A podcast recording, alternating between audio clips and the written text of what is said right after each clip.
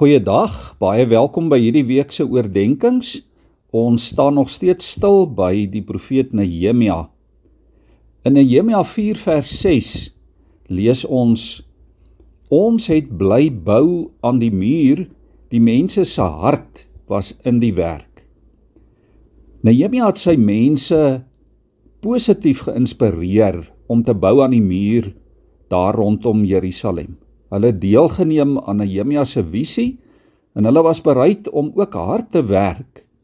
Nehemia 2 vers 18 sê hulle het vir mekaar gesê kom ons bou en hulle het die goeie werk aangepak.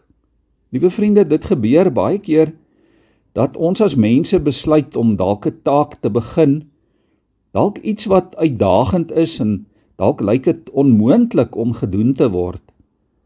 Maar hierdie mense begin met ja, kom ons bou. Hulle begin op so 'n positiewe noot. Maar kort voor lank verloor ons baie keer belangstelling en dan kom die taak nie noodwendig altyd klaar nie. En dit gebeur mos ook met geestelike werk. Met ons bedieninge in die kerk ook baie keer met projekte wat gelowiges dikwels aanpak. Dit gebeur ook in ons alledaagse werkplek of met met werkies in en om die huis. En nou is die vraag, wat was Nehemia en sy mense se geheim? Hulle geheim was dat hulle hart in die werk was. Hulle het aangehou werk asof hulle dit vir die Here doen. Hulle doen dit uit eerbied vir God. Hulle het die heeltyd die einddoel en die belangrikheid van die taak in gedagte gehou. En hulle leier het 'n voorbeeld gestel. Nehemia 5 vers 16 sê Nehemia self: Ek het my volle gewig ingegooi by die werk aan hierdie muur. Ja, Nehemia het nie net die werk uitgedink en toe teruggesit en aangegaan met sy eie dinge nie. Hy het self gebou, hy het self betrokke gebly. Dit kan so maklik gebeur dat ons baie keer wegskram van uitdagings wat ons ter wille van die Here moet doen. Of ons wil graag self in beheer wees. Ons voel dalk soms ons kry nie genoeg erkenning en eer vir dit wat ons doen nie. Nehemia was 'n goewerneur in Israel tydens die ballingskap. Hy was die skinker in die paleis. En tog kom doen hy harde werk om die muur te bou. Die bouery was nie benede sy waardigheid nie. Hy het moue opgerol en hy het sy kant in geloof gebring.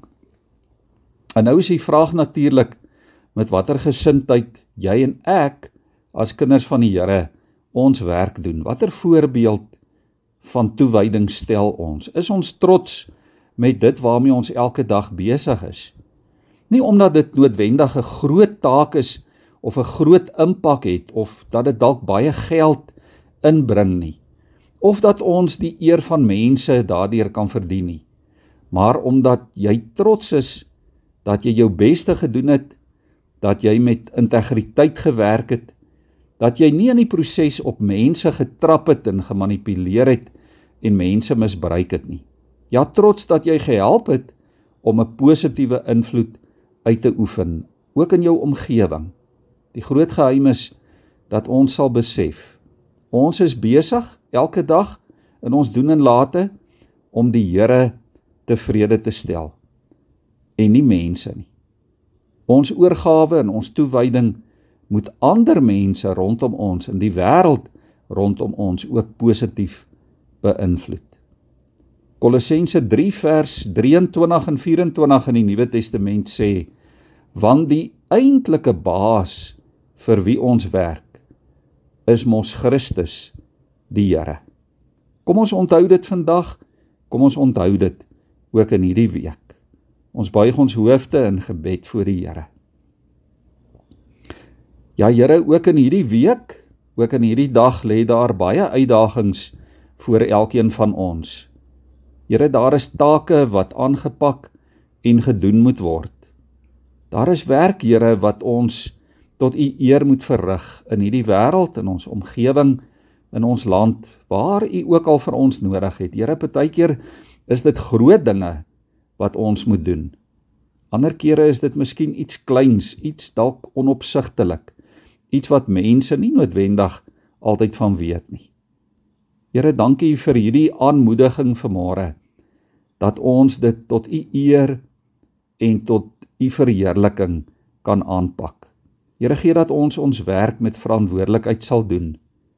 Ja Here, soos daardie spreekwoord sê, dat ons sal werk asof alles van ons afhang. Maar Here, dat ons ook sal bid omdat ons weet alles hang van U af.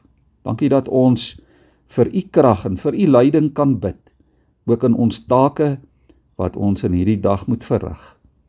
Here help ons daarmee, vul ons met U Gees en met die krag van U teenwoordigheid. Amen.